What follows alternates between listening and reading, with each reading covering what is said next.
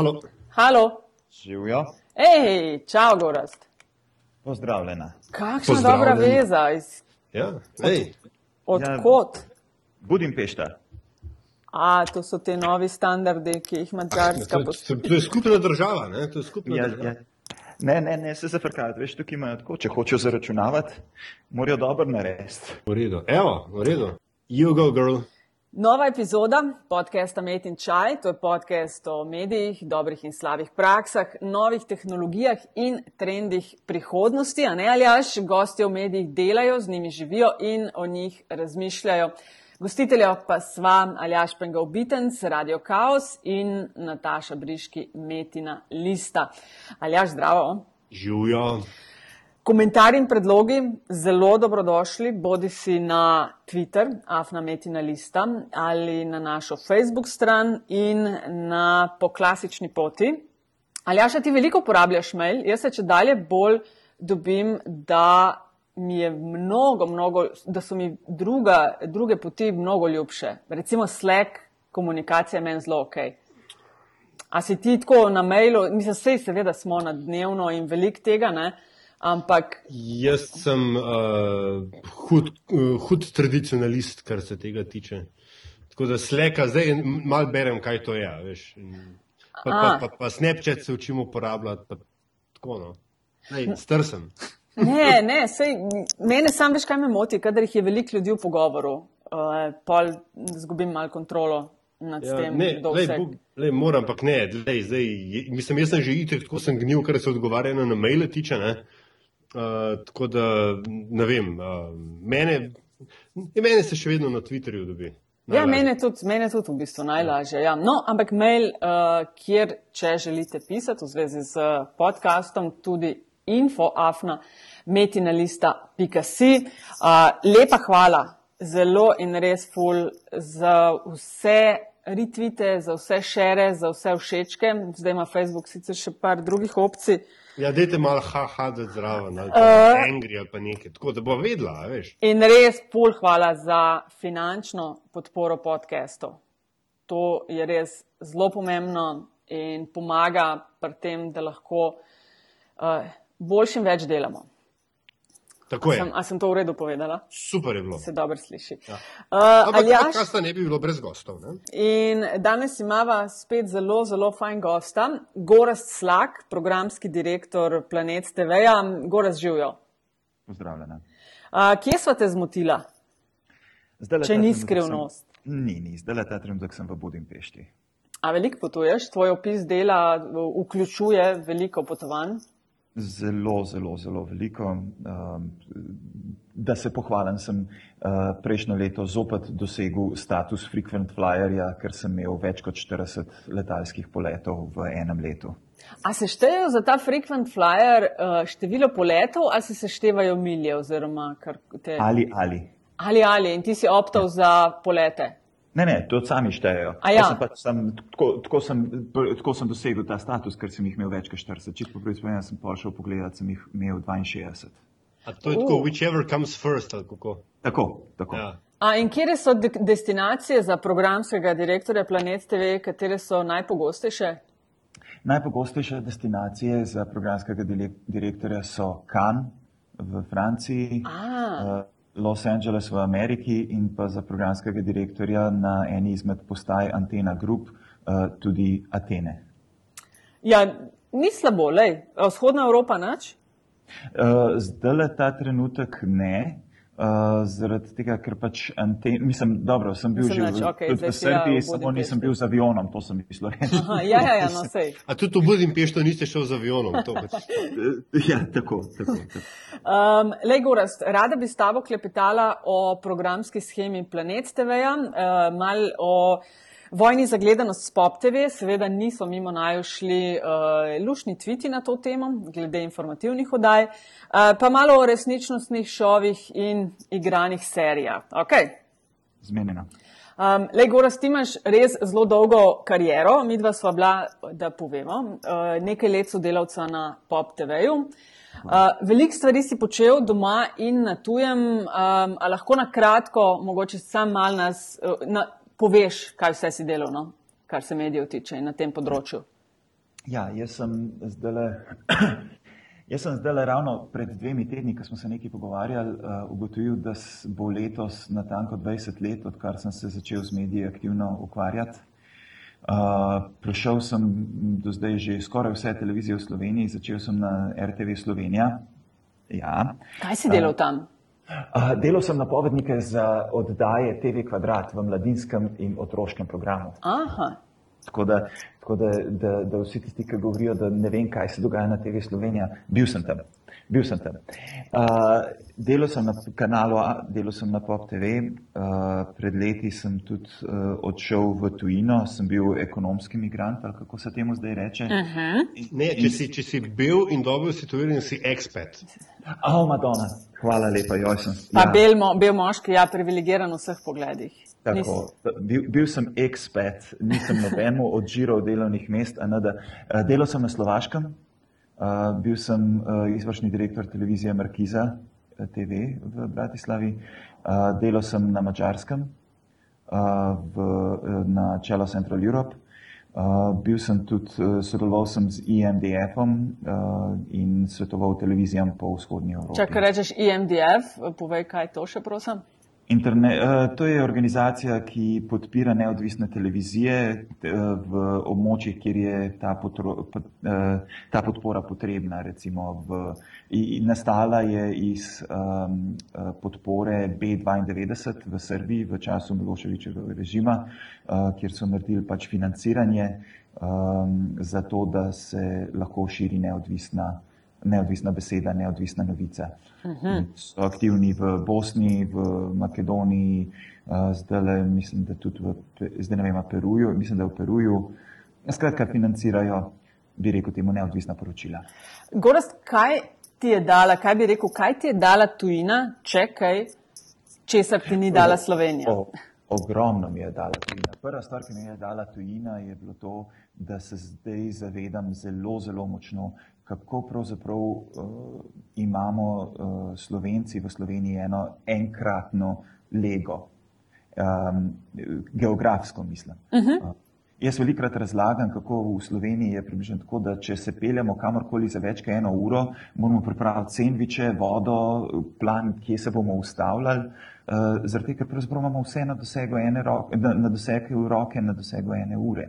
Greš se smuč, hočeš se smučati, ena ura pa imaš ne vem koliko, štiri, pet smučišč iz Ljubljane. Hočeš se odkopati, ena ura, ok, pa pet minut, ki gli gužva tam uh, do Porto Roža ali pa Kopra. Ja. Vse, vse te stvari imamo, imamo, imamo pripravljene, imamo na dosegu roke. Ko sem bil v Bratislavi, da sem se hotel na prvo smučišče, ki je sicer bilo tudi v Avstriji, pelati je bilo dve uri pa pol.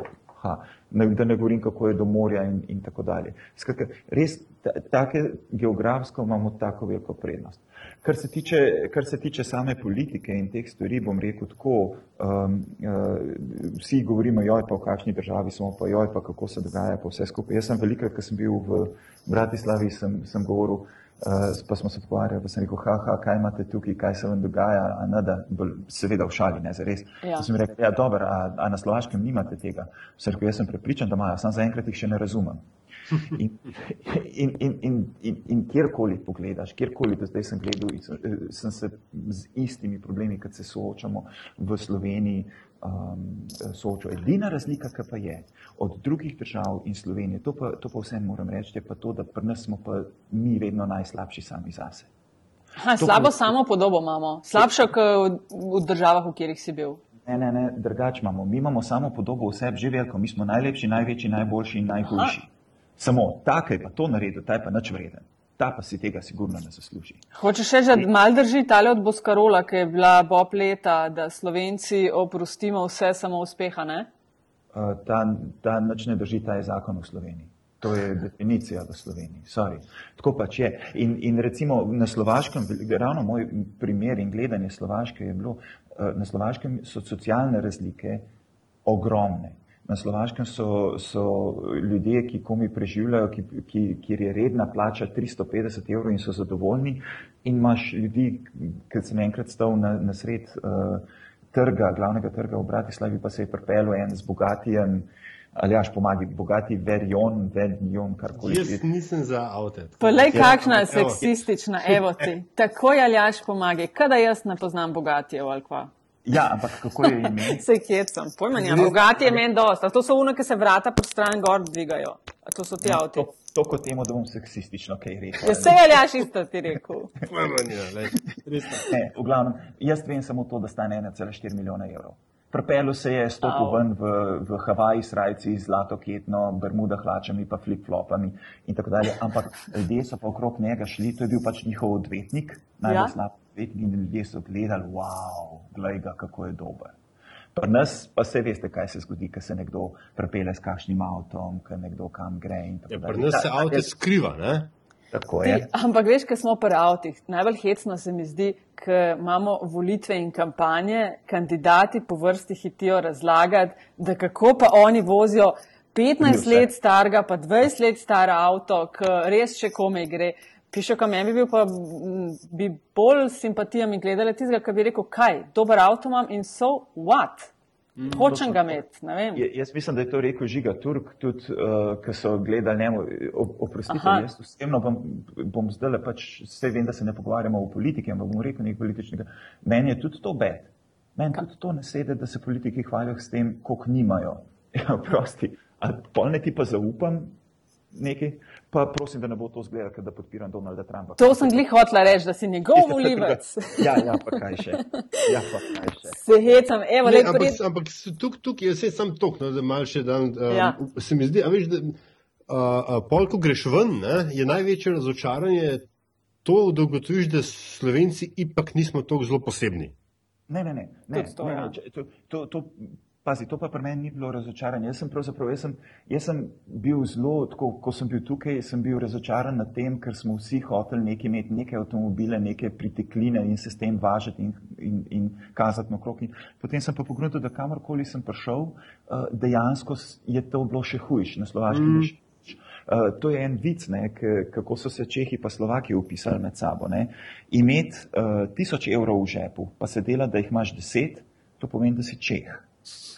Če imaš pa 10 evrov v žepu, pa se delaš, da jih imaš tisoč, pa si pa Slovak. A res, ta razlika je. Ta razlika je, saj tako oni pravijo in jaz moram reči, da, da, da je zelo blizu Češ, Čehi, dejansko so bolj prizemljeni, kar se tega tiče. Aha. E, še preden greva, gremo res na to čist programsko, ti si gorast fizik, ne? če se jaz prav spomnim. Diplo, univerzitetni diplomirani Kako inženir te je v medije odneslo? Kako? Zakaj? Glede na to, da ste rekli, da na Facebooku hočete tudi kakšne smajlije, ja, ker sem se z avtobusom pelil v, na faks eh, oziroma na inštitut Jožef Štefan, sem pri napačni avtobusni postaji dol izstopil, pa sem rekel, ok, klinc, da se mi pa ne da nazaj gor, pa sem šel. Ne. Uh, jaz sem si že celo življenje želel od malega uh, ustvarjati, biti kreativen, delati kreativne stvari, narediti nekaj s tem, kar se v moji glavi dogaja, da bi naredil ven in to predal drugim ljudem, pa gledal, če jim bo všeč ali ne. Uh, zaradi tega sem si želel delati, uh, najbolj se vidno še spomnite, da ne bom zdaj spet uh, ageizma rekel, ampak se spomnite, ker so bili še uh, piratsko v naših kablih Sky Movies, Movie Channel in tako dalje. Ja, Tako, no, in Sam Ja, ne, ne, gledal sem napovednike in jaz sem hotel, si, hotel napovednike delati. Jaz sem si želel napovednike. In to si zelo dober delal na Pop TV-ju. Ja. Ok, dajmo zdaj malo. Ej, sam, sam ena, sam ena še. Pa, pa. Sam še to. A gledaš Goraz The Big Bang? A so točni?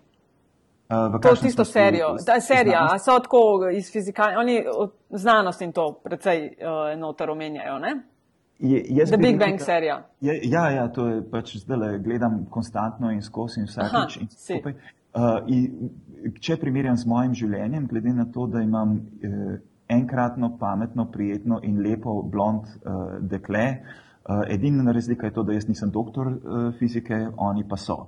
Z drugimi besedami, da otroci, vse je možno, tudi če ste tri dni v šoli, da dobite tako punco kot je Peni. Ok, Eljaš, a, izvoli. lej, na, se bom večer, jaz kot radic, ne, a veš, a, na radiju je najhujša nočna mora in hkrati največji izziv narediti dober jingle. Ne? Čeprav razumem, je napovednik TV ekvivalent radijskega aviza, demo, demo, demo tako reči. Mal je razlika, veš, kljub samo zaradi tega, ker pa napovednikom imaš 20 do 60 sekund in lahko neko A veš, ti imaš, ti imaš en stavek, ki ga v jingle noter daš radijski.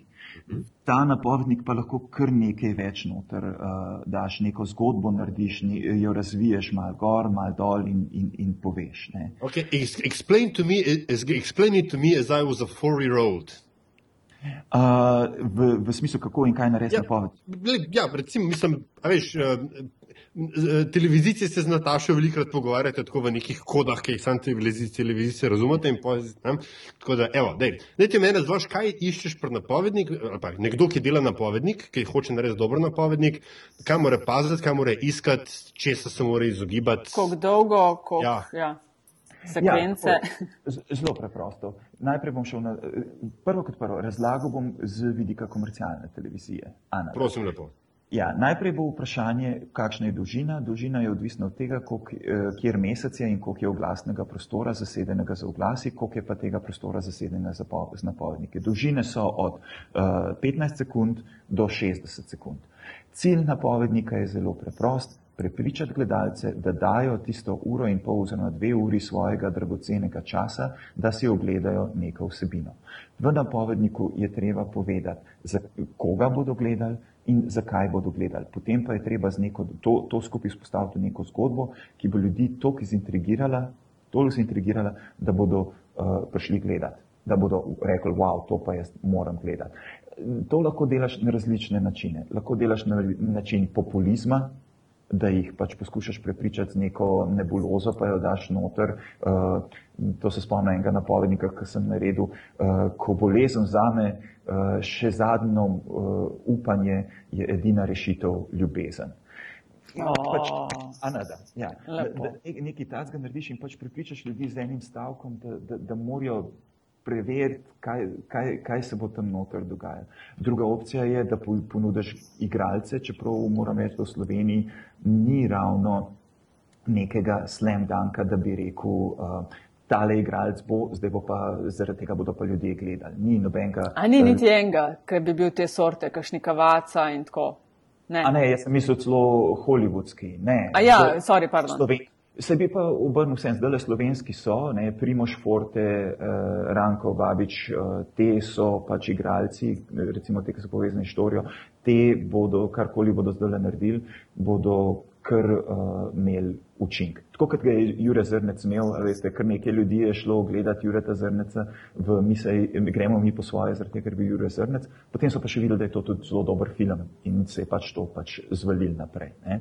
Tako da to, to, zdaj le ta trenutek pa, da bi rekel, da je kdo tak, ga pa ni.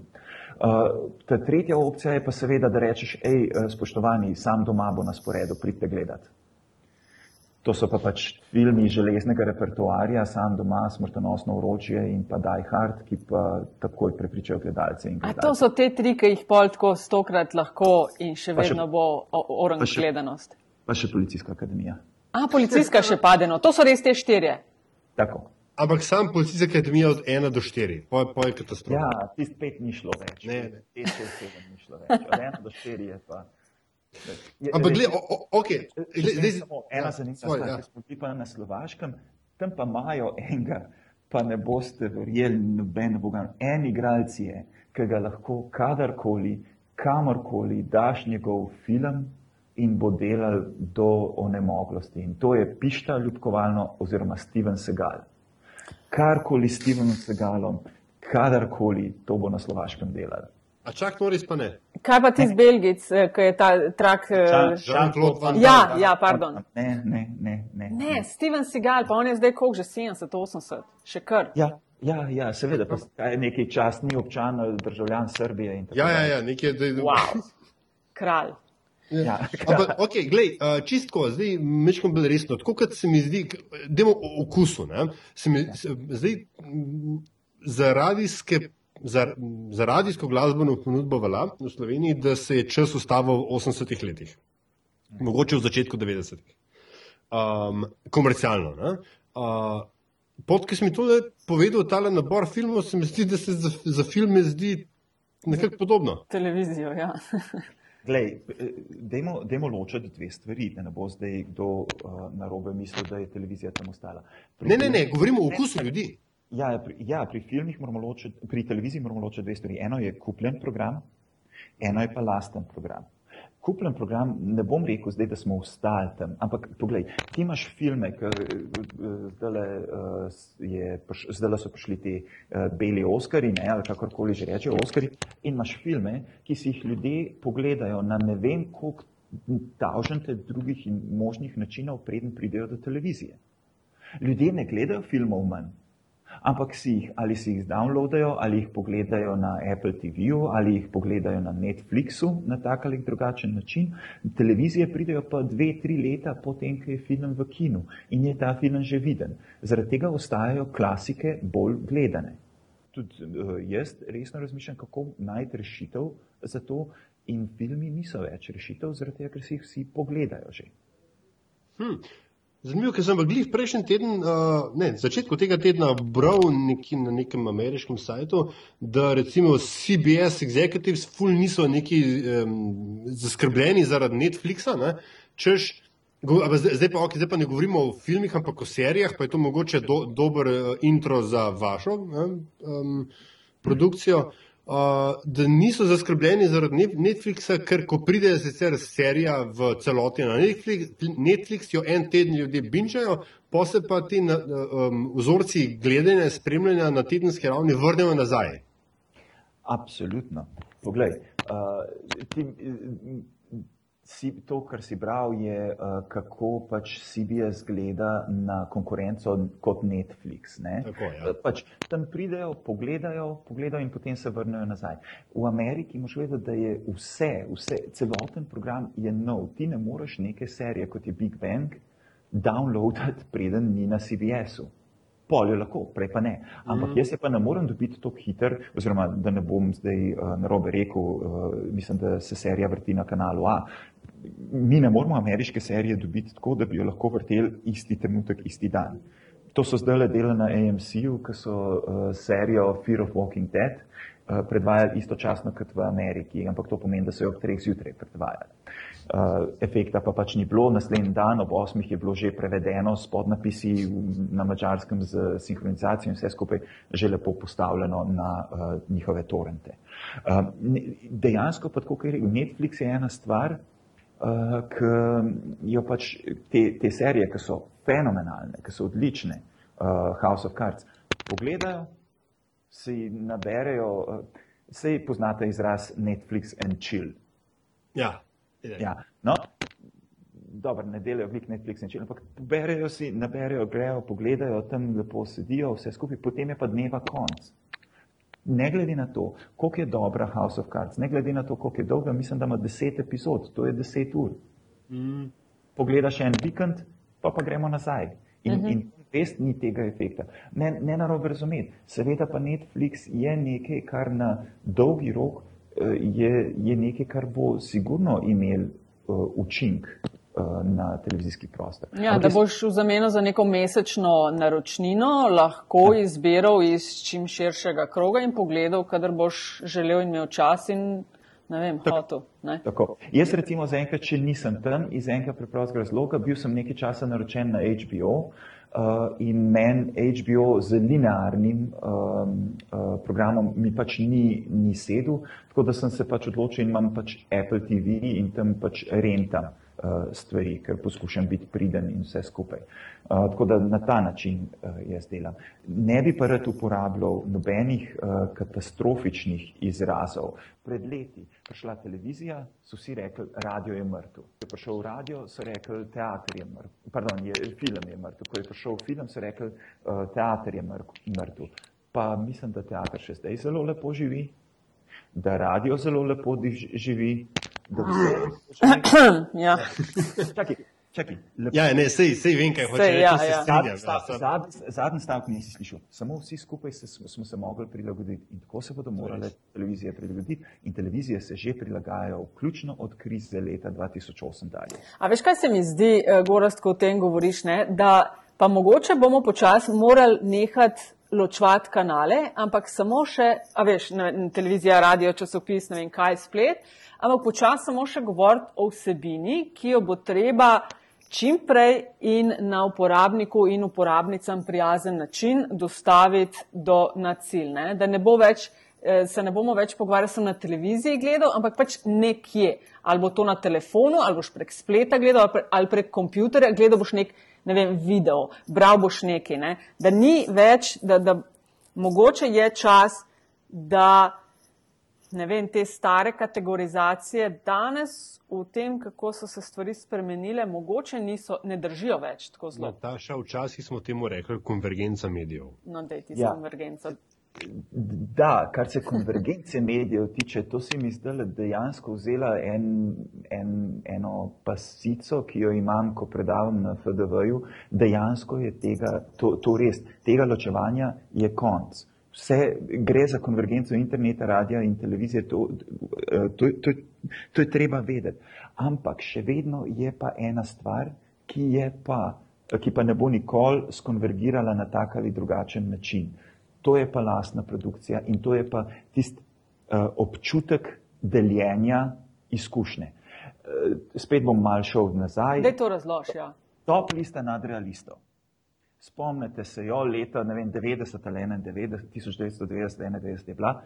Če si v petek prišel v šolo, takrat na srednjo šolo in top liste nadrealistov nisi gledal, si bil loser. Si sedel v kotu in nisi vedel, kaj se dogaja.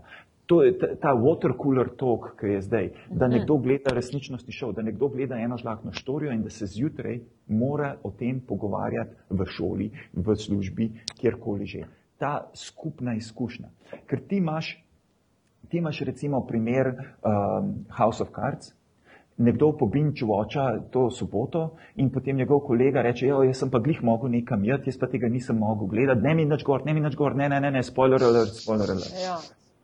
Če pa imaš ti, tako kot imamo recimo mi zdaj eno žlahtno štorijo, tako kot imamo bilo je nekoč, tako kot imamo Jureta Godlerja ta teden, ko pač je nekaj na sporedu v nekem trenutku in se tam vidi, da lahko naslednji dan o tem debatiraš, to pa je, to, to pa je, to pa, to pa, pa skozi ostal kot nekaj posebenega. A lahko, Gorast, poveš, ko go debatiramo o programu in usmeritvah, kakšen je program Planet TV? Ti ga sestavljaš, kako bi ga ti opisal? Kaj so prioritete? Ne vem, imaš tri, štiri, pet ali ne, ko rečeš, to je program Planet TV-ja. Uh, ne. Uh, prvo bi rekel, da programa ne sestavljam samo jaz, ampak je to res ena velika, pa zelo homogena ekipa, na katero sem zelo ponosen in zelo vesel. Um, zelo, zelo z veseljem z njo sodelujem. Um, imamo pa en cilj. Hočemo, mi smo, ma, mi smo bili še do pred kratkim market challenger. Torej nekdo, ki je prišel in je izzival uh, nekoga, ki je 15-20 let bil vodilni na trgu. Govoriš o Pop TV-ju. Seveda, ja. seveda.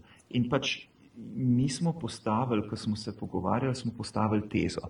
Če bomo delali nekaj, kar je derivat tega, kar dela eh, konkurenca, kar dela pop, potem bomo obsojeni na derivate. Skratka, kopija nikoli boljša od originala. Tako nekako. Ne. To sem pač prebral enkrat, ker sem bil zelo majhen, sem bral, da, da pravzaprav, če ti prideš, eh, če ti hočeš McDonald'sa premagati s tem, da ponudiš večji, lepši, pa boljši hamburger, ga rajš ne ponuditi. Ti moš ponuditi nekaj drugačnega. Zaradi tega, tudi če se spomnite, spet uh, spomnite, uh, kampanja Apple, takrat, ko še ni bilo Steva Jobsa uh, nazaj, je bila Think Different. Mm -hmm. Skrat, bodi drugačen. In mi smo hoteli biti drugačni in smo začeli, seveda, to ne moš narediti uh, z danes na jutr, ampak smo mogli počasi začeti. Prvo smo začeli uh, z Google Boxom ali bi, uh, Bog ne daj, da bi crknil televizor. Okay. To je bilo nekaj, to je, to je bilo nekaj drugačnega, nekaj, kar ljudje niso niti pričakovali. Uh, odzivi na prvo oddajo so bili, kaj za vraga je pa to. No, zdaj je pa to naša kultna oddaja.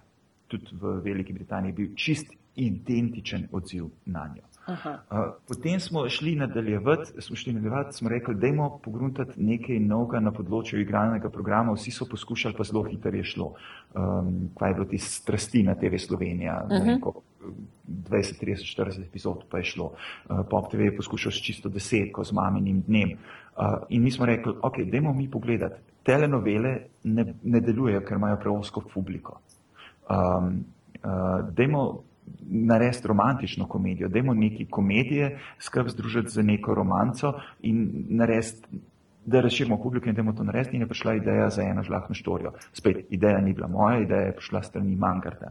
Jaz sem sam skočil do stropa, ker sem slišal, da, da imamo to, kar smo hoteli mi. In je prišla ena žlahna štorija. In potem smo rekli, ko smo delali kmetijo, smo rekli, pardon, smo rekli, rabimo nekaj dodatnega.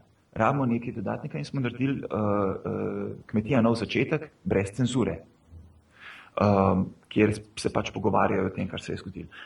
Za konec pa prišla še stvar, ki je pa meni pravzaprav, ne bom rekel najbolj všeč, ampak res sem ponosen na to, kar delamo in to je ta teden z Juretom Kotlerjem.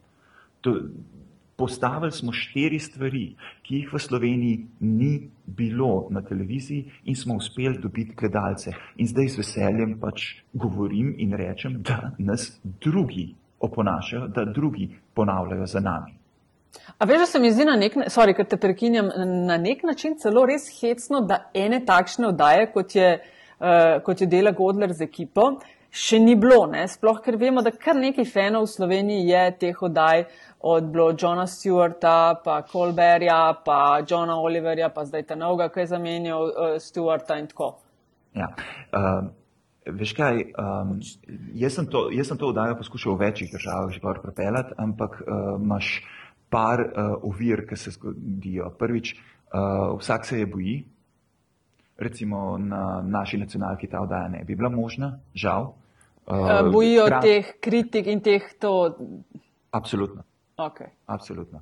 Uh, Bojan Kranc dela zdaj res čudeže s temi um, bučkami. bučkami ja. Ja, pač poskuša nekaj. Ne, sem tiste drugačne oddaja že v stilu. Ne, tam se pač zmišljujejo zgodbe in poskušajo s tem karikirati dejansko situacijo. Mi pa poskušamo dejanske zgodbe na smešen način zapakirati. Tako, dejansko. Ja, tako kot je pač John Stewart, Colbert, tako, točno tako. tako. Ja veliko je bilo kritik v smislu, da je samo en slab približek Johna Olivera, en slab približek Johna Stewarta.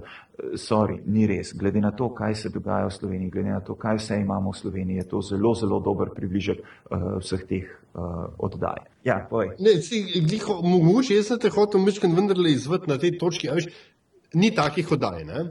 ampak ja. kot si sam rekel, poskusi so pa bili. Veš, gled, mi smo, ok, Godler je, um, bom rekel, moderna, moderna inter, uh, uh, iteracija pač uh, Johna Stewarta ali pa karkoli že. Uh, ampak recimo predtem, veš, tako na, bolj na, na začetku popa, veš, ki je imel Jonas brez zavora ali brez zapora, kaj je že bilo. Ja. Format talk showa tipa The Tonight Show se tudi ni prijel v Sloveniji. Ja. Kaj, kaj je tista, veš, zdaj mogoče poenostavljam, ampak kaj je tista sestavina X, ne, zaradi katere lahko nek generalno gledano zahodni format oddaje postane vendarle tako specifično slovenski, da se prime? En korak bom šel samo nazaj, pa ti bom povedal, zakaj talk-showi ne uspevajo v Sloveniji. Eh, dva razloga sta. Prvič, talk-showi v Ameriki so na sporedu ob 4-5 popovdne ali pa ob pol polnoči. Ja. Mm ne pa ob osmih. Zaradi tega, ker je publika za to šove je mal drugačna. Uh, da, ta, uh, ta Veten Das, ki je na ARD-u, pa na CDF-u, pa na, uh, na uh, ORF-u, ki je imel Gočalk, tisti pa ni talk show, tisti je pa ogromen show. Tisti so delali, mislim, da enega na mesec in tisti je bil budžet enorm, tiste, tiste velika stvar, tiste neki drugska. Pa še ena razlika je bila, ki, je tukaj, ki smo jo tukaj pri Godlerju uspeli narediti in to je to, ekipa ima štiri pisce. Ekipa ima štiri ljudi, ki živijo s to vdajo in pišejo, ne pa da nekdo je v vlogi producenta, pisca, kreativca, pa še voditelja. Ne? In tukaj je ta, ta glavna razlika uh, od, od prejšnjih. Recimo tudi Tadej Toš si je več ali manj sam pisal, pa Jonas si je sam pisal. Ja, to je težko, ja. to je zelo to, težko, če nimaš to, ekipe. Tako je, dobre jaz kritiziram, hočem samo ja, reči, ja. da moraš imeti zadnji ljudi, ki ti bodo to delali. In to, to je ta stvar. Da se pa vrnem na to, kar si ti vprašal, kaj je stvar, da se, da se šov prime, Madoniša. To je, pa, to je pa stvar, ki sem jaz živčen vsakič preden katerakoli oddaja, katerakoli stvar uh, štarta. Uh, mi, mi, ti, ti imaš primere, ki neka oddaja v smislu, uh, tudi zdaj letale, ki je moja mama kuha bolje, je na Slovaškem pa v Grčiji strašno uspe, uspešnica. Uh, kje druge pa ni. Um, zdaj, mi smo tudi delali, da, da ne bomo drugi govorili, bom vse govoril, mi smo delali razred talentov, masterclass, ki je bil na mačarskem enormna uspešnica, v Izraelu ogromna uspešnica, pa nas pa pač ni šel tako, kot smo si mislili, da bo šel. Mm, kaj, pa, kaj pa pri nas, ki rečeš, uh, ni šel, kot je mogoče kje drugi je šel, in imaš ti dober pogled v številke, kaj pri nas gre, kaj ljudje radi gledajo? Um, hočeš, da govorim o imenih oddaj ali o vsebinah? No, bolj se me zanimajo vsebine. Ja. vsebine. Pa, pa mislim, zraven lahko omenjaš oddaje, no, ampak ja. približno to jaz, vemo. jaz Ti bom začel- dovolj. Hvala. Jaz bom začel pri resničnostnih šovih, kljub se bo moram tam Ja. začeti. Najprej, velik se zdaj čisto vsak šov, ki je, je resničnostni šov. Ne, govorim o teh resničnostnih šovih, tipa uh, gostilna, kmetija nov začetek. To so resničnostni šovi, kjer uh, ljudje postavimo v nek, ljudi postavimo se v neko situacijo, zdaj pa v tisti situaciji neki nared. Uh, recimo šovi, kot so Slovenija ima talent, eh, razred talentov, pa master uh, šef, jaz smatram bolj kot talent šove, kjer pokažeš uh -huh. svoj talent. Resničnostni šovi v Sloveniji so ekstremno gledani. Jaz kažem uh, velikrat graf, kjer je bila najbolj neverjetna situacija, ki se je zgodila v Sloveniji, to, da je pet let od bara ena, ki smo ga pripravljali takrat na Pop TV-ju, pet let vsako leto gledanost resničnostnih šovov rasla in bila večja in večja. In še zdaj ne popušča. Letos bosta Big, Big Brother, pa bilo je nekoč, lani sta bila gostilna, pa uh, kmetija nov začetek. Skratka, prostor je za dva resničnostna šova, sporedno, toliko tol, tol je velika, veliko zanimanje. Aha, no, kar rečeš, dva usporedno imaš v mislih ob isti uri na različnih kanalih. Ne? Da, da še Mi smo- kljub temu, da se razporeja gledalstvo, je še vedno ogromna številka. Ja, To. eh, da, da, da, sem, eh, da, da povem po pravic, eh, gostilna pa kmetija na začetek se nista prekrivale. Se nista prekrivale, razen zadnji teden, ampak se nista prekrivale. Gostilna je bila v 8, kmetija na začetek je bila v 21.30. Tako, ampak tudi tako je bilo dovolj gledalcev. Mhm, Tukaj se kar bije, ne, kolikor poznam, se kar gleda, kaj bo konkurenca naredila, kje bomo mi lahko koga nadvladali, vzeli gledalce. Ja, ne? Ne, ne samo gledalce, kjer bomo vzeli kreativce, kjer bomo vzeli te stvari. To, to je, to sigurno je.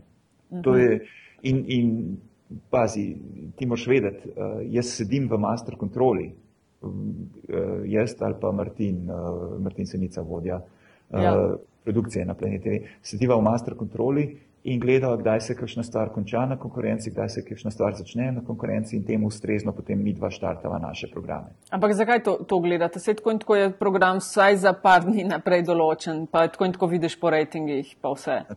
Nataša gre za minute in sekunde. Že, ampak se ne moreš spremeniti, če v torek nekaj gledaš, ne moreš v torek se odločiti ob 8 zvečer, kaj boš dal ob 9. Ali Ne, te ne glej. razumem? Ja. Je, Glej, tako je. Eh, Ko se je začela gostilna eh, lani, jeseni, je bila dolga 60 minut skupaj z reklamami. Ja. In smo pač mi kmetijo štartali ob 9. Ne? Kmetijo na začetek štartali ob 9. No in kar se potem zgodi, eh, je to, da so razširili gostilno na 90 minut, torej se je zaključovala ob 21.30. In smo mi čakali, da smo pač mi eh, kmetijo na začetek začenjali po tem, tak, točno takrat, ko se je gostilna končala. A se pravi, da se vi v bistvu klemal prerivate za time slote? Mal, hudo. E, ampak, ok, da praviš, da je folk ful gleda resničnostne šove. A karkoli, kar pade pod oznako resničnostni šov, ali Ne, ne. ne. no kaj? Ajaj, kaj vedel, potem bi druga. Glej, Ok, kaj Aj- česa niso gledali, ker si rekel takoj ne, česa niso, pa bova lahko izločila tisto, kar je tako bom manj rekel. gledano. Lani, lani sta Big Brother pa bar imela manjšo gledanost, kot recimo sta jeseni imela gostilna in pa kmetija nov začetek. Razlog pri baru je bil ta, da pač ni bil, ljudje so se navadili na planetu inovativnih stvari, želeli so nekaj inovativnega, mi smo jim pa ponudili derivat. In uh, plus iz, v baru so mlajši noter, mlajši gledalci gledajo potem, zanima mlajšo publiko in je pač tisti širok spektr publike, ki jo recimo imamo s kmetijo na začetek, smo jo izgubili. Kaj pa gledajo? Zdaj gledajo človeške odnose in se poskušajo poistovetiti, kdo je kjer kjer ga imajo radi in zakaj ga imajo radi, in potem navijati za njega, in potem so vsi ostali brez veze. In to je to. A imajo radi bolj junake, ki so, ne vem, pogumni, junake, ki so bolj skromni. Jaz vem, da sem veliko poslušala, moram priznati, da, da nisem bila gledalka uh, kmetije. A je to tisto oddaj, kjer je ena bila zelo ljubosumna, pa je s fantom noter igrala? Da. No, to sem veliko poslušala, da on, to zgodbo so ljudje spremljali. A je to, a veš, a se da še kaj mikronote znotraj tega določiti, da so, ne vem, radi vidijo te neke ljubavne štorice. Mm, ne, ljubavne štorice je treba povedati tako. Ljubavne štorice, pa, pa vse te stvari, ki ljudje rečejo, ja, pa v resničnosti šovih se seksa. Ne, to ljudi sploh ne privlači in sploh ne privleče. Prvi, pa je pa. Zaradi tega se to pač zgodi. Pazi, ne, prvič, pr, prvič privleče. Jaz se spomnim, ko sem delal Big Brotherja, ko sem delal to prvega Big Brotherja in, in smo imeli pač nek seks noter. Tist večer je kao bilo gledano. Rating pada. Naslednji dan pa ne več. Zaradi tega, kaj boš pa zdaj ponudil. Dejansko ljudje v resničnosti šovih želijo, hočejo, morajo gledati odnose med ljudmi. Aha. Je to, a ni se, se je v bistvu, če gremo iz resničnostnega, tudi ta ena žlahtna štorija so skozi neki odnosi, ne, familija, gor, a bo vino, ne bo grozdje, a me ta ljubi. Nataša, Pardon, hvala. lej, mislim poenostavljam, ampak lej, to je to, kar ljudje vidijo. Ne, ne, ne. Ampak hvala, Nataša, za tale segway, ker sem že hotel začeti prej v štoriji govoriti. Tole je, to, to je odlična primerjava. Ko smo se pogovarjali, kakšna mora biti ena žlahtna štorija, smo se vsi skupaj strinjali. Vse, kar se noter zgodi, se mora zgoditi v realnem, se lahko zgodi v realnem življenju. Nobenih marsovcev, nobenih čudežev, nobenih te odnosi med ljudmi, odnosi z očeta, očeta in teh njegovih štirih hčera, njihovih snupcev in potem okolice. In to mora biti res, to, dejansko smo govorili, to mora biti čista resna situacija, vse, kar se tam zgodi, mora se dejansko nekdo reči, umadona, to se je pa meni še zgodilo. Ampak zaradi tega je štorija tudi tako uspešna. jo, zdaj bo zgledal, kada ful gledam te, te resničnostne šove. Ali ja, še ti prosim, da kaj. Le, jaz ne gledam, pa ne vem, kaj vprašati. Ne, Veste, Ne, a je veste kaj? podobno, a ne, da je- Ne, ne, ne, ne, glej. Nekaj vam bom povedal jaz. Nekaj vam bom povedal jaz. Pred leti, davnimi leti, ko je bil bar, ki je bil prvi resničnostni šov, je prišla k meni soseda in rekla, veš ti, Gorast, jaz pa tega vašega bara sploh ne gledam. Se rekel, Aha. no super, lepo se posvetiš družini, si s svojimi otroci in tako dalje. Je Rekla, ja, ja, ne, ampak ne, zaradi tega, ker veš, kaj se je zgodilo. Rada je pred dvemi tedni rekla, da ne bo Mišo do tega naredila, potem Ja, je pa klep ja, rekel, ja. da bo to se zgodilo, in potem je unat, ja, prišla in zdaj sploh ne gledam več. Ja, ja, ja. Lej, začel se je z Esmeraldo. Vsi ja. smo, mislim, ne, čak, res ne, nisem, zaradi ampak- telenovela, ne zdaj mešati. Dobro, ja, pa se kaj pa so ta ena žlahtna štorija isto. Ja. Uh, Nisem, no, neke sorte. Okay, vprosti, ja, lepše se sliši romantična komedija. Ampak a je to, a ste bili vi prej s to vinarske družine, ker tudi Pop TV ima? Čakaj, čakaj, čakaj, čakaj. Ne, ne, ne, ne, ne, ne. ne. Kaj bomo Ajde. Pa, tukaj bomo pa zelo, zelo, zelo. No, no, vidim, bitka, povej. Ja, to pa je. Mi smo začeli pred natanko enim letom z eno žlahno štorijo in smo bili tarče posmeha z strani nekaterih ljudi, uh, ki so potem nekaj mesecev kasneje štartali s sodnim vinom. Zabavno je pa to, a veš, na kateri televiziji se je najprej vrtela serija Usodno vino? Ne. Na Markizi na Slovaškem. A, se to, Ja. to so pa ni z Markizo povezana, ista grupa, Tako ja, da je Pop Ja, TV to je- povezana. To je CME. To je CME. Samo je tako. Kar, kar, kar, da ne bo slučajno pomote, kar ni nič narobe. Razumeš, če bi jaz imel neko serijo, za katero vem, da bo uspešna, za katero vem, da ima dober track record, bi jo tudi jaz poskušal uh, vzeti, uh, prilagoditi in napisati. Samo mi smo hoteli imeti dejansko kleno slovensko štorijo, kleno stvar. In smo pač uh, In je bilo treba na vino pa tojati, ne? Ne, to je bil pa en drug razlog. Ne? Ja. Prepozno, so, spo- prepozno smo se spomnili in edina lokacija, kjer bi lahko snemali, da ne bi bilo zasnežen, eh, so bila Goriška brda. A ja, snemate, ja, seveda se snemate. Okay, Koliko ampak- časa snemate, da, da je sezona? Uh, glej, uh, snemanje se začne nekje v decembru, uh, predvajanje se je začelo pa konec februarja. Ne? Okay. In do, do februarja so vse epizode posnete. Ok, pa mislim, da konec aprila bodo vse epizode posnete. Mislim, mogoče je to, ne, ker je um, slovenski igralec ne, je, je zelo raztreščena dobrina. Ne. Ponavadi imajo ti ljudje milijon angažmajev uh, razno raznih teatrih, pa klubih, pa ne vem, tako Ja, dalje. ja, ja. Zdaj, čeprav zdaj, um, um, ne vem, kaj, če, če bom to prav izraz uporabljal, produk, pro, produkcijo tega producenta Mangard, ne? skupina Mangard.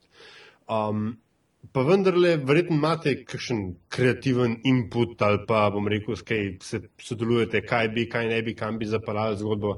Uh, ampak kako v, od decembra do konca aprila te ljudi imeti na kupu, pa vse posnet, pa ne vem, veš, se mi zdi, da, da je to mečkan bolj zahte, logistično v Sloveniji zahteven projekt, ker, ker te ljudi, pač igravci ali pa tudi ekipa v končni fazi gliha, veš, ne sedijo in um, pol leta nariti in čakajo, kdaj se bo začelo snemanje naslednje sezone. Ne?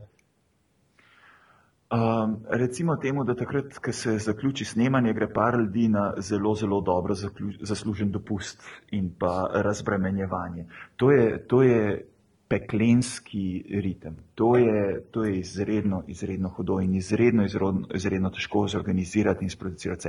Snemata dve ekipi, ena na lokaciji, ena na, uh, na setu, torej na, v studijih. Uh, organizacijsko, zakompliciran, začenja se ob pol šestih zjutraj, končuje se, ja, končuje se tam nekje okrog sedmih, osmih zvečer. In, in to, je, to je res res, res naporna stvar.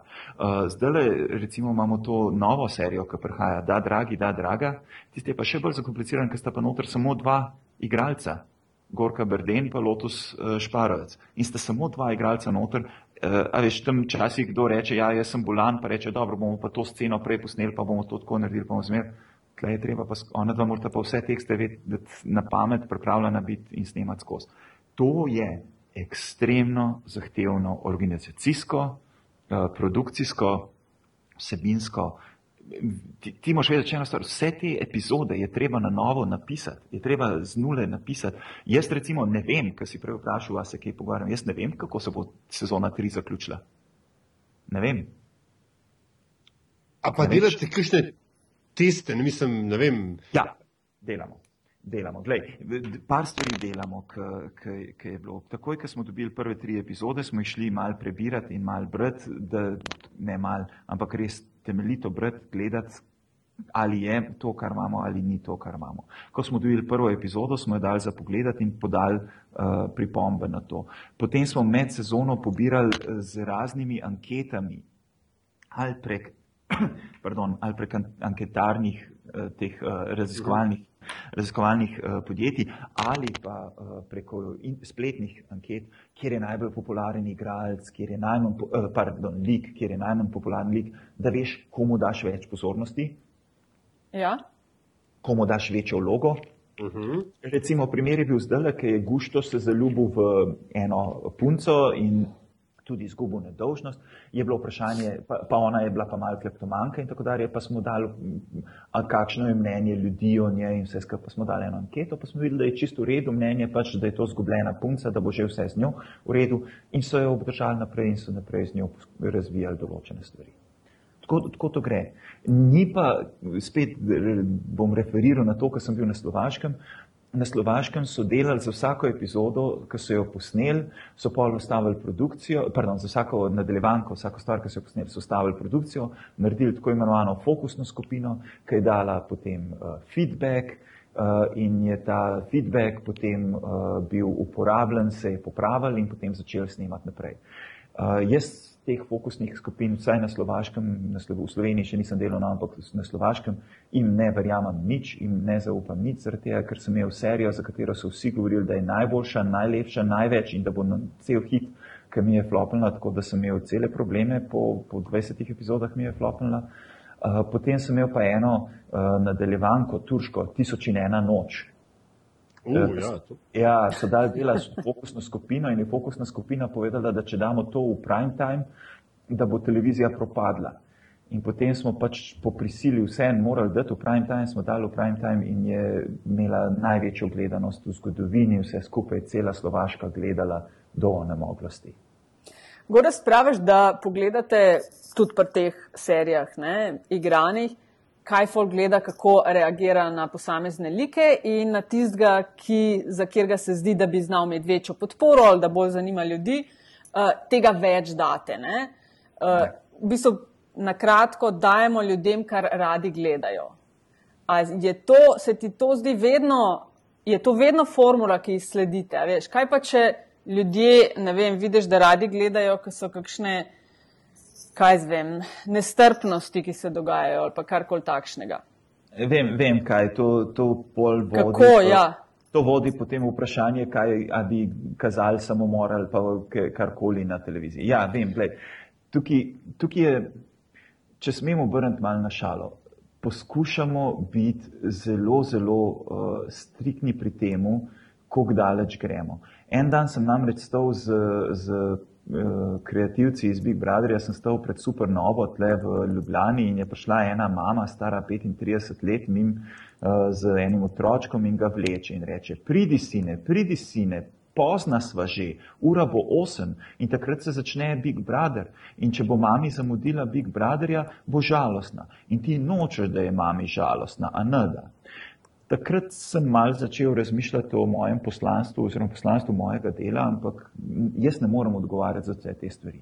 Mi prikažemo odnose, ki so. Prikažemo, kaj ljudje hoče. Pri eni žlahtni štori se ne bom čist nač opravičoval, tam noter prikažemo življenje, kot je, življenje, kot bi lahko bilo in življenje, kot naj bi bilo.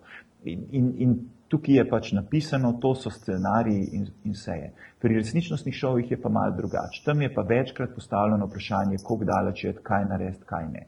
Jaz, jaz povem eno stvar zelo, zelo direktno.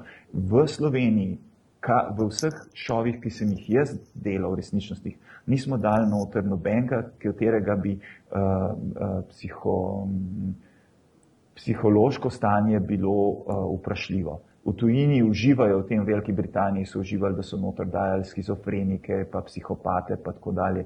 Tega pri nas ne delamo, vsaj kar, vsaj kar jaz vem, pa mislim, da tudi v drugih šovih.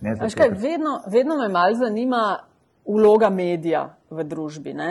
Eh, pred časom sem postavila na Twitterju čez za hec eno anketo, a bi mediji morali ljudem dajati tisto, kar hočejo, ali tudi, oziroma tisto, kar bi mogli vedeti, in opozorili so me eh, sledilci na tretjo možnost, tisto, kar želi lastnik. Ujoj. Katera opcija je tebi najbližje? Uh, Dajmo najprej opcijo številka tri razrešiti. Okay. Uh, lastnik v našem primeru želi čim boljši poslovni rezultat. Okay. Ja. To je pač na koncu meseca več kot prejšnji mesec, oziroma več kot drugi, ja. oziroma pač cash. Ja. V 20-letni zgodovini, kar sem na televiziji, ni do mene nikoli nikdar prišel nekdo in mi rekel, to da je tle zaradi tega političnega, zaradi tega gospodarskega ali zaradi tega vsebinskega razloga. Vedno je bilo vprašanje samo gledanost, gledanost, gledanost. To ja. zdaj le trdim, podpišem, narišem, karkoli že. Ja. Sem vesel za to in, in, in mi je delo bilo zelo lahko, uh, zaradi tega napram tem, kako je težko nekaterim drugim, ki se jim pač uh, postavlja, naredi to, naredi drugo, naredi tretje, um, ker so v, pač v kakšnih drugih, drugega tipa medijih.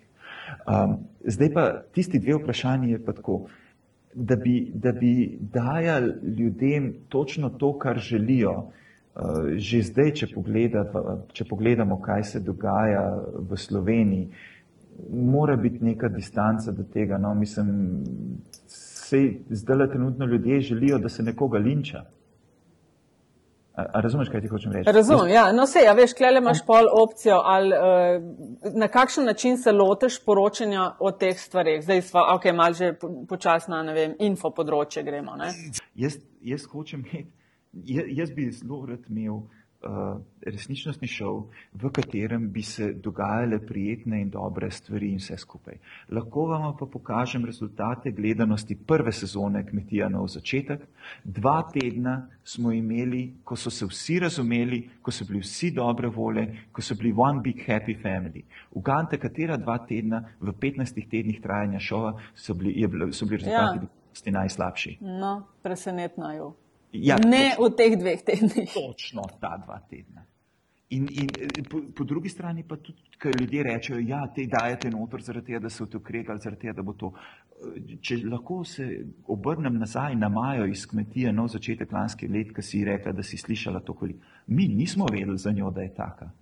Mi nismo vedeli, da je tako, tako ljubosumna. Vedeli smo, da nosi hlače v družini, je sama rekla. Tudi potem, ko sem se pogovarjal s kreativci, zakaj sta ona dva šla noter, sta rekla zaradi Nikota, ker je bil Niko zabaven in ker je imel zelo, zelo veliko zapovedati. Ona je bila zraven, zato je bila njegova punca. Potem je pa pač prevzela glavno vlogo. Ne, ne moš tega, hočem reči, ne moš tega vedeti. In mi nikoli, to pa povem zdaj le spet, nikoli ne damo noter nekoga, da bi rekel, eh, da bi rekel, a, tale se bo pa kregel, tale pa mora biti noter. Ne, narediš nabor ljudi.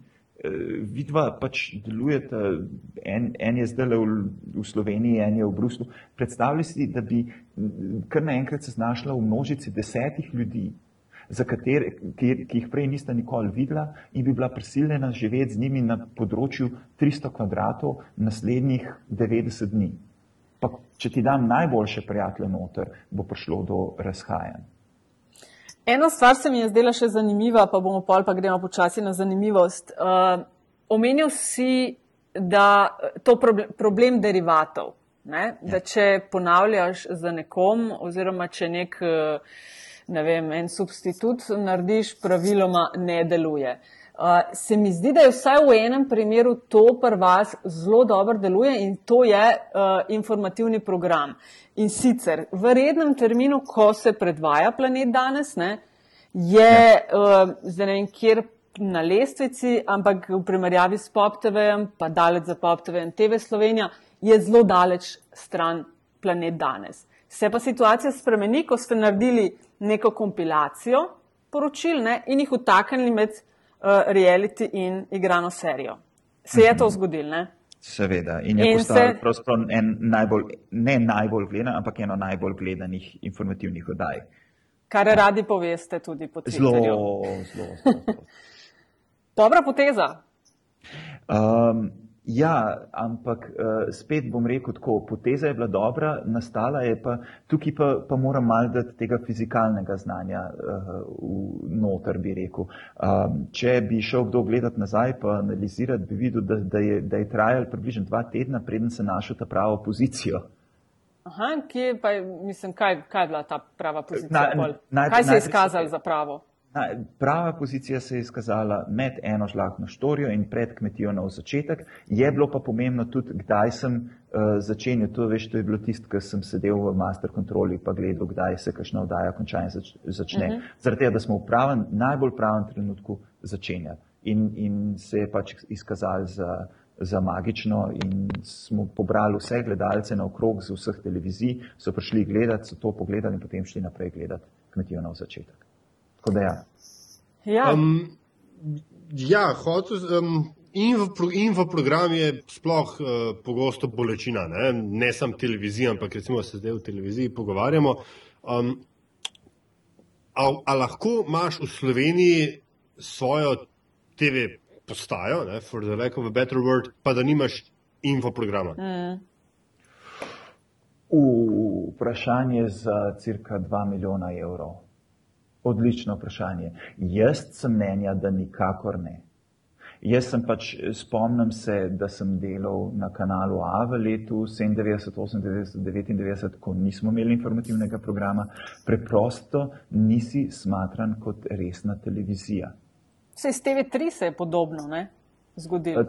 TV3 je imel na začetku, če se spomnite, leta 96, 97. Ja, bolj sem imela v mislih, preden je ha. propadlo vse skupaj. Uh, glej, tako je. Uh, jaz govorim o tem, kaj je v Sloveniji. Zdaj se pač v Sloveniji vedno več te nišne televizije, vedno več najdejo svoj prostor pod soncem oziroma prostor pred, pred gledalci in mogoče bo v prihodnje prišla tudi televizija, ki bo brez informativnega programa uh, to uspela delati. Ta trenutek, zdaj, jaz ne vidim možnosti, da bi bila resna televizija uh, um, brez informativnega programa. A je zunaj enako, imaš pregled pač nad tem, uh, da gre kje kakšna televizija, ki hkrati nima uh, infoprograma, za kjer ga vemo, da je v primerjavi s filmi in temi reality uh, mnogo dražji verjetno in, in manj gledan. Je, je um, ne, zdaj le razmišljam. Češka ne, Slovaška ne, Mačarska ne, da bi jaz poznal Hrvaška, sploh ne, Srbija nikakor ne, Bosna nikakor ne. Ne, ne, ne. Ne. Če hočeš biti, uh, pazi, ti moš, mor, morate pa ločiti eno stvar. Ali hočeš ti biti uh, uh, vodilna televizija, hočeš ti postaviti nekaj, kjer te bo uh, zmagoval, vodil, da, da boš postavljal tudi javno mnenje, potem moraš imeti informativni program. Na mačarskem je bila televizija, se še vedno je TV3, taka je bila tudi v Sloveniji, ki nima informativnega programa, ampak dobiva tam nekje 4, 5, 6 odstotkov gledanosti. Mm.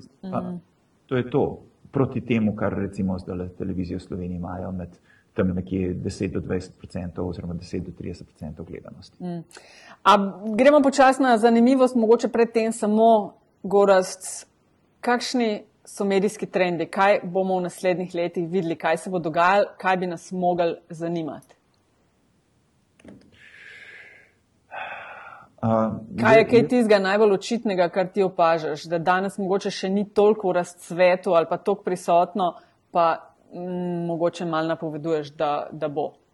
No, prva stvar, ki bi jo povedal, je to, da število gledalcev televizije se v Sloveniji ni zmanjšalo.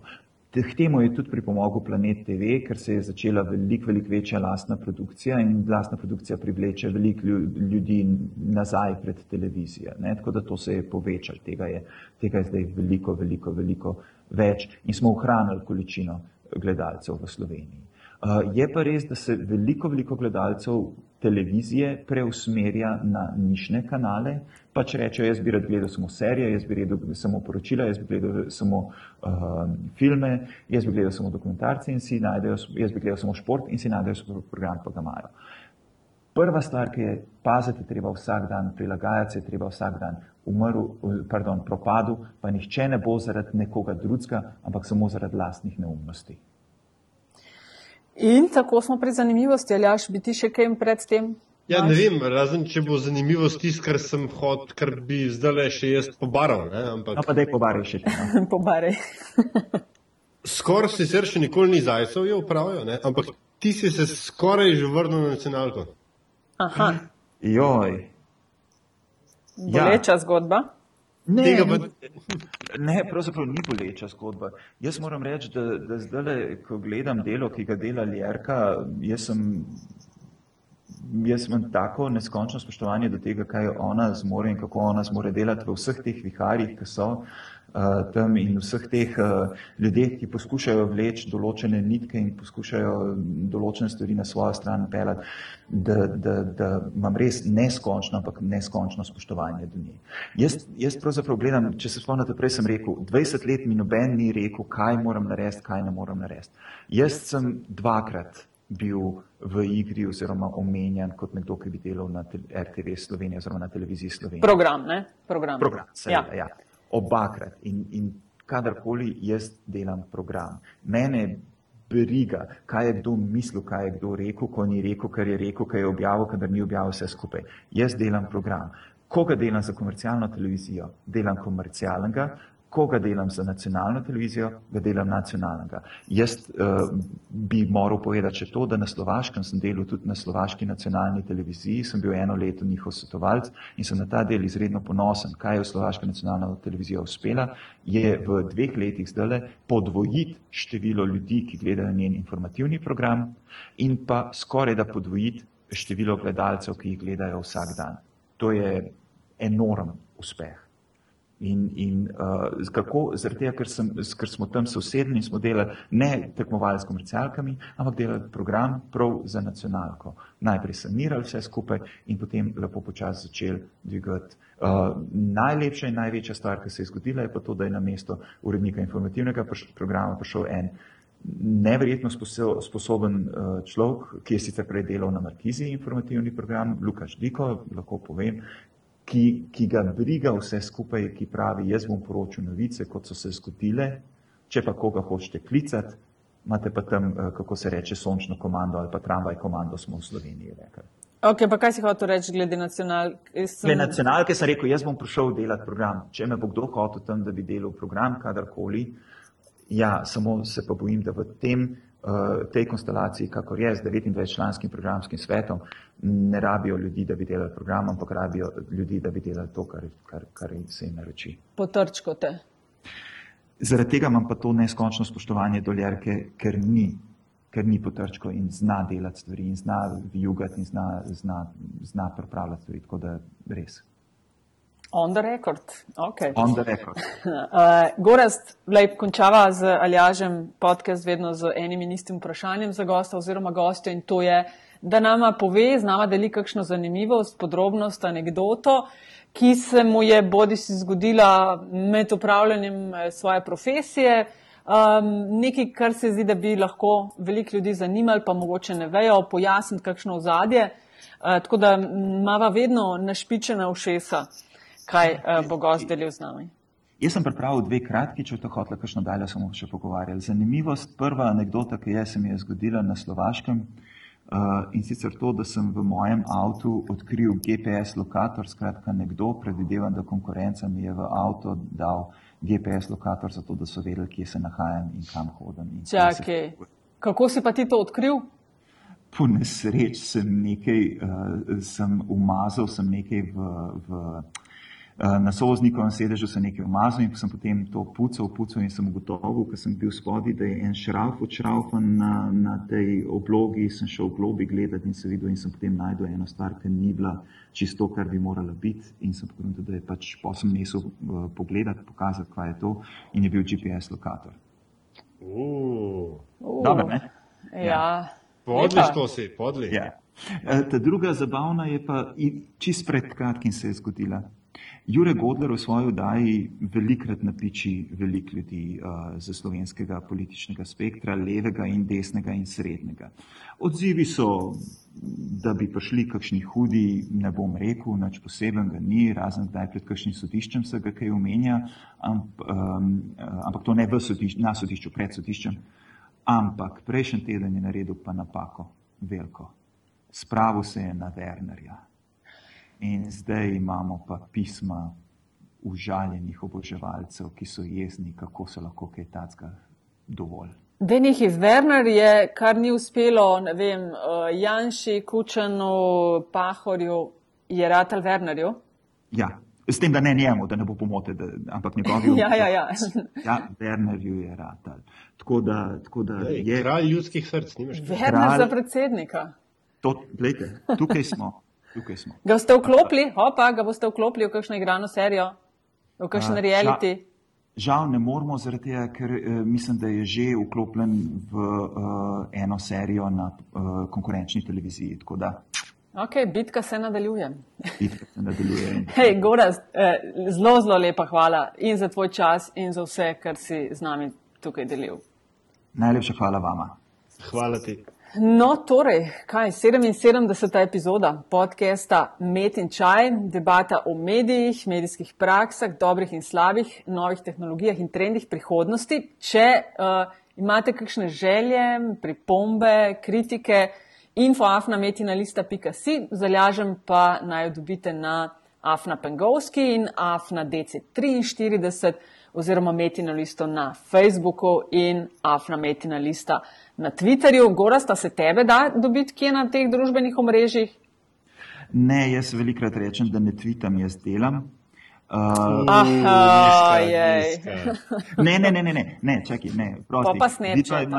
Vidva imate pač drugačno pozicijo. Jaz, recimo, ko gledam pa naše politike, pa naše uh, gospodarstvenike, ki tvitajo, takrat to rečem, ne za novinarje, pa tiste, ki ustvarjajo uh, javno mnenje ne upaš se iti gor, ker veš, da bi jih uh, kakšen tweet bil, pa bi mogel razlagati reality in to.